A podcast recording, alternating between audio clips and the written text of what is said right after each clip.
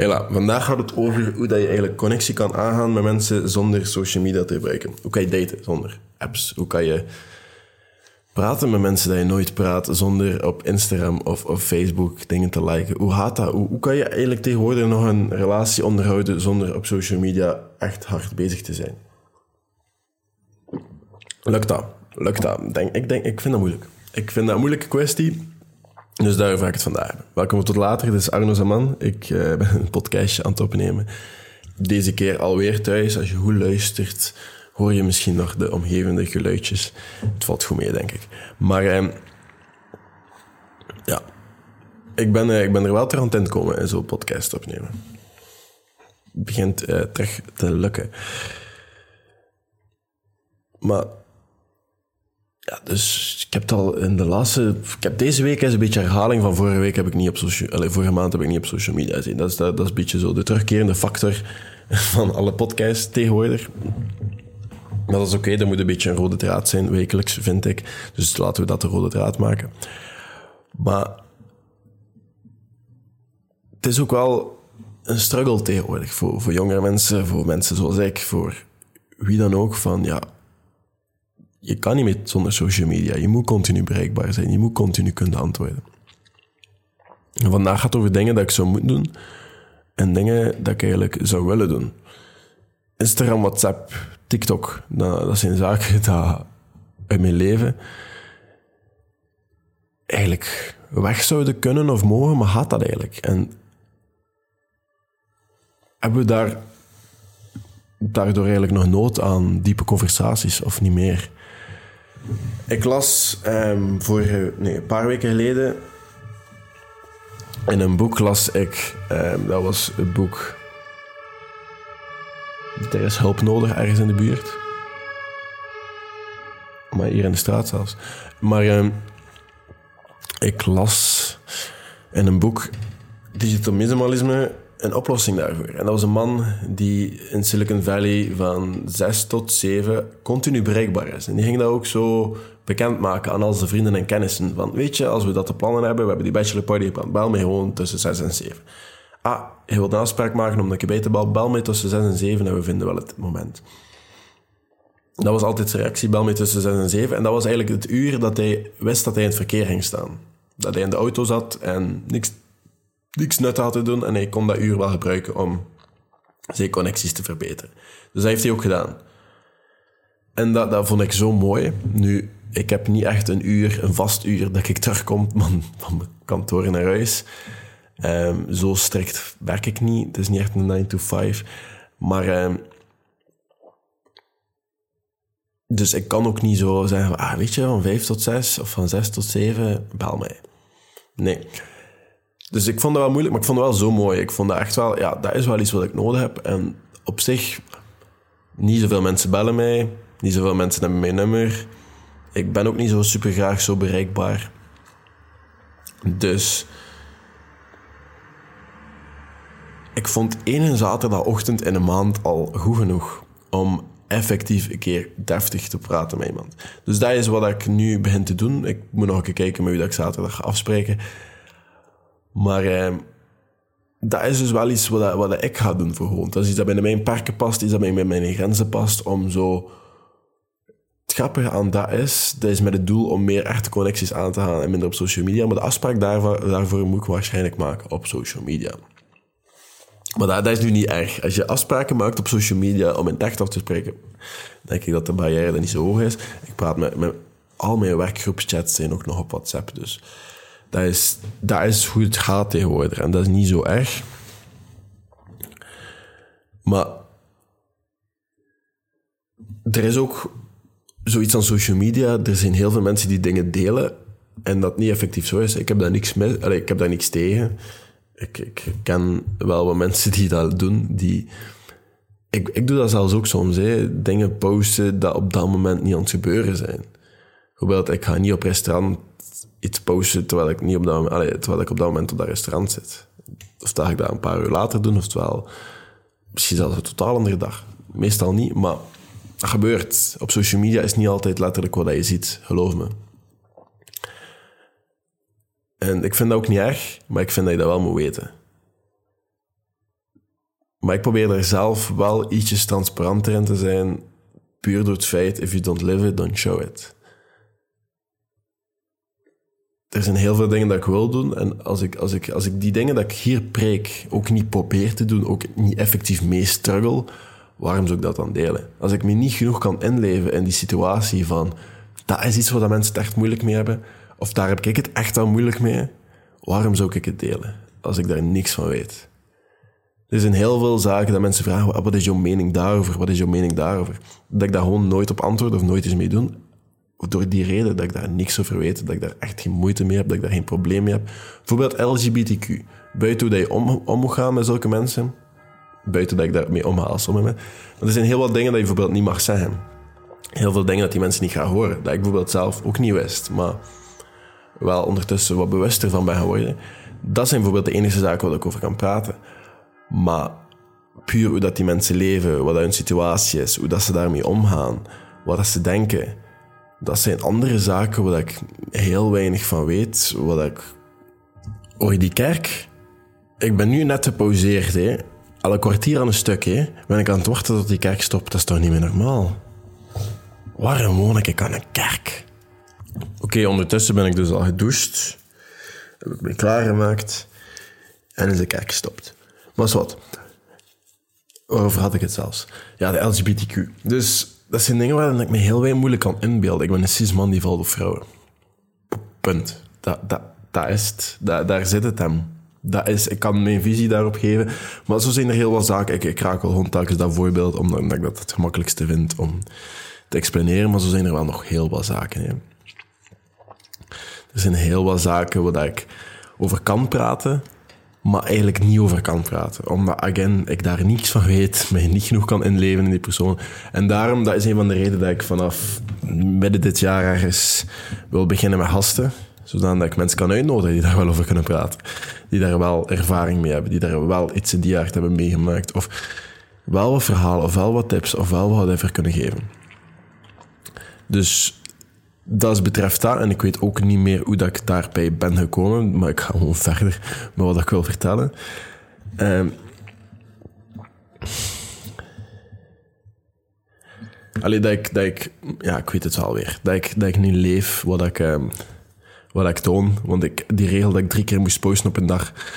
Nu heb ik het veranderd. Na één keer iets maken met een bericht dat ik wil delen en soms deel ik een keer een bericht op Instagram en iets op TikTok apart, dat twee verschillende dingen zijn. Soms niet. Nu ben ik me gewoon een beetje aan het amuseren met dingen te maken dat ik wil maken. Die volgers interesseren me ook weinig, om eerlijk te zijn. Wat ik wel leuk vind, is video's maken, mezelf uitdagen. En de mensen bereiken die dat, die dat nodig hebben. Dat wel. Aspecten waar ik gemerkt heb dat ik mezelf niet meer voldoende aan het uitdagen was, waren zaken zoals sport. Ik was daar niet zo mee bezig, de laatste tijd wel terug. Maar zo heel wat zaken en voeding. Heel wat vuiligheid te eten. maar mijn routine, dat, dat is wel aan het verbeteren. En ik... Ik kom gewoon minder in die zou maar wat wil ik? Met, allez, wil ik wel mentaliteit zitten. En uh, ik moet het gewoon doen. Mijn routine helpt mij wel om ervoor te zorgen dat die dingen dat ik, dat ik doe te verbeteren en misschien zelfs te verminderen alles versimpelen en mijn systemen ja, wat gemakkelijker maken. En wat ik vond, is dat de focus van de laatste maand wat beter moest zijn op dat vlak. Vliegvaart in Milaan overlaatst uh, heb ik een Monoskin boekje gekocht om alles in bij te houden. Back to the simple review, waarin ik dingen zoals een aantal kilometer dat ik loop en zo opschrijf. Ik heb, dat, ik heb het daar gisteren over gehad. Maar soms is het gewoon goed om je tijd te nemen voor bepaalde zaken en na te denken. Ik doe soms, daarvoor gebruik ik de Mondeskinders boekje wel. En dan journal ik en dan denk ik van, oh, moest iemand dat ooit vinden? Maar ik denk dat iedereen dat vindt die een journal heeft. Dat gaat in het museum terechtkomen. Iedereen heeft wel zo die fase die zo ontschrijven is in het boek. Ik denk, oh, moest iemand dit ooit vinden? Oh, is haalt waard. Terwijl dat daar gewoon bullshit is, maar bon. Um, maar ja, we moeten wel tijd nemen om na te denken, om te kijken hoe dat we veel problemen oplossen. Want soms is dingen doen goed, maar je moet wel nadenken voordat je die dingen gaat doen soms ook. En dat is wat ik soms wat weinig deed.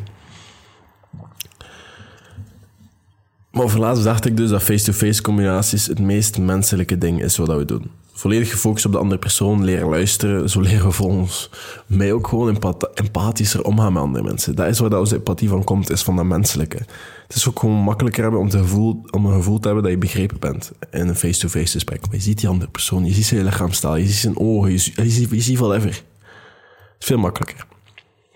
Maar onze socialiteit, onze maatschappij is gewoon te complex om dit uit te besteden via social media apps. Latrelaties, dat is bijvoorbeeld iets dat bij mij eh, niet werkt en dat gaat nooit werken. Ik kan geen gesprekken volhouden via chat en dat mag je volgens mij ook niet van die kanalen verwachten. En ik ben iemand die aanraking nodig heeft. En dat is gewoon mij, dat is gewoon ik. De like-button op social media kanalen is ook iets heel bijzonder. Maar als we dat nu allemaal niet meer gebruiken, wat, volg mij, wat als we nu die like-knop niet meer gebruiken? Wat, wat zou dat dan veranderen aan onze connectie? Als we niet meer liken, niet meer reageren, wat zou er dan gebeuren? Zou dat veel effect hebben op ons sociaal leven? Zou dat... Zouden we meer buitengesloten worden? Gesloten worden? Nee. Zouden relaties stoppen omdat we bijvoorbeeld niet bepaalde foto's geliked hebben? Zo bijvoorbeeld een vriendin die trouwt en je hebt die post niet geliked. Zou dat ervoor zorgen dat die relatie verslecht? Ik denk eerlijk gezegd dat er buiten de manier hoe dat jij gaat omgaan met die kanalen niet veel gaat veranderen aan de relaties die dat je hebt. En zowel, dan is er misschien iets mis met die relaties. Ja, ja, waarschijnlijk gewoon meer bewuster omgaan en het social media gebeuren minder interessant maken voor jezelf, waardoor je gewoon meer echte interactie gaat gaan opzoeken. Ik denk dat dat de oorzaak zou zijn. Het gevolg van de oorzaak dat je niet meer zou liken. Maar meer dan dat denk ik niet. Volgens mij moet je ook gewoon niet altijd bereikbaar zijn. Ik denk dat dat een fabeltje is dat mensen graag zeggen, omdat ze bang zijn afstand te nemen van dat toestel in hun hand. Ik zelf verontschuldig mij gewoon enorm veel. Sorry dat ik nu pas reageer. Mijn telefoon heb ik niet altijd bij de hand als je gaat blijven verontschuldigen, gaat het ook moeilijker worden voor mensen om, daar lastig over te doen. Omdat je niet bereikbaar bent. Na een tijdje ga je, gaan mensen ook weten, ah Arno. Maar die zit niet altijd op Messenger. Die is niet altijd bereikbaar. Gewoon omdat ik me continu verontschuldig. Sorry, ik check Messenger nooit. Ik heb die app niet eens. Of, ah ja, sorry, ik, WhatsApp, ja, bij gsm staat hem niet storen. Als ik die wegleg, leg die weg. En dan weten mensen dat ook. Ah ja, Arno, die is niet altijd bereikbaar. En ik heb nog nooit een berichtje gehad van, hey Arno, het is echt dringend. En oké, je mist wel zo kleine dingetjes of etentjes, maar ik heb er momenteel ook echt niet zo super veel tijd voor. En zo erg vind ik dat nu ook weer niet. Ik doe die dingen nog genoeg. De focusmode op mijn iPhone en MacBook zijn ook standaard. En die staan ook standaard aan. Nu is zelfs werkmodus. Dat is nog anders dan focusmodus, blijkbaar. Maar dat staat standaard aan. En ik weet dat sommige, voor sommige mensen die hebben wel zo'n noodgevallen en zo, maar ik kom dat precies ook altijd te weten. Dus dat is niet... Allee, ik denk niet dat ik, dat ik op die manier iets mis. Dus nu plan ik s'avonds in wanneer ik chill, en dan probeer ik dat, om s'avonds een uur gewoon mezelf toe te laten op socials bereikbaar te zijn en of te doen wat ik wil. De laatste tijd ben ik dat zelfs niet, leg ik ook gewoon mee gsm maar. Dan ga ik wel voor de film kijken, of een serietje kijken, of whatever. Maar dat helpt me wel die schermtijd gecontroleerd te houden. En binnen de perken wat ik wil. Dus zo die conversation office hours, dat, dat helpt wel. Dus volgens mij moet je niet altijd bereikbaar zijn. Die zaken zijn veel beter te regelen dan je niks. Ik heb gisteren ook een post gedeeld en ik ga daarmee deze podcast afronden. En dat, ging over de boeken dat ik gelezen heb, gelezen heb in december. En ik ga die gewoon even kort... Ik ga, ik ga wel zo'n post iedere maand proberen doen. Gewoon om mezelf een beetje accountable te houden. Maar ook gewoon om dit interessant te maken. En ook om mijn Instagram, whatever. Eh, dan kan je dat daar ook allemaal zien. Maar dus de boeken dat ik gelezen heb eh, afgelopen maand zijn Digital Minimalism van Cal Newport. Goeie aanrader. Ik, ehm, dat is een boek... Cal Newport heeft veel dingen. Ik ben nu, ben nu deze week ook weer iets aan het lezen van hem. Uh, heeft veel dingen die heel interessant zijn. Dit boek heeft een beetje doen nadenken over dit onderwerp. Heel deze podcast is ook gebaseerd uit fragmenten uit zijn boek. Um, dus zeker gaan luisteren. 30 Days Living with a Seal. Is een minder serieus boek. is niet echt een self-help boek. is wel non-fictie, maar het is hilarisch. Het is met David Goggins. Ik vond het geweldig. Ik heb het zelfs twee keer ik heb het een keer geluisterd. terwijl ik gaan lopen was. Eh, iedere keer deze in de afgelopen maand. En ik heb het ook gelezen toen ik op vliegtuig en zo zat. Het leest super vlot. Ik heb dat eigenlijk gelezen in vier dagen. Het is hilarisch, het is leuk. Ik heb het geluisterd en nog minder dan dat. Het is maar vijf uur, denk ik, of zes uur luisteren. Het is een boek van, ik weet niet hoeveel pagina's. Ik heb het hier naast me liggen, dus ik kan het direct zeggen. Uh, 260. Dus het valt goed mee. Dan heb ik Never Finished van David Goggins geluisterd, want zijn audioboeken die, die bevatten veel meer extra content. Aanrader. Het is echt wel... Um, Can't Hurt Me vond ik goed, Never Finished vind ik beter. Dus het is, is mooi. 30 Days Living with the Monks, die heb ik gewoon gelezen, omdat ik 30 Days Living with the Seal Jesse iets grappig vond. Dat met de monks had ook goed zijn, maar niet zo aanrader. Hij vertelt ook veel dezelfde verhalen dat in 30 Days Living with the Seal al voorkomen. Dus ik vond dat niet zo een aanrader. Het, is, het is, leest wel vlot zijn korte hoofdstukjes. Het is, het soms is het wel grappig. Maar het is niet hetzelfde en het is zo een beetje te veel hetzelfde. En dan denk je zo, eh, nee, dat gaan we niet doen. Dus dat, dat boek zou ik niet aanraden. Lees dan 30 Days with the Seal en stop daar. Wat ik nog gelezen heb, ik ben aan het denken, want dat staat hier nu niet... Allee, dat ligt hier niet, want ik heb nog audioboeken gelezen. Ik heb, maar ben, ik heb het nog niet uit, want het is een heel groot boek. Maar het is uh, bij Marco Polo zijn autobiografie beginnen lezen. From uh, Venice to Xanadu. Uh, is heel leuk. Dus heel veel geschiedenis, heel veel leuke weetjes. Het gaat ook een beetje over de Silk Road, het gaat over al die, over die zaken.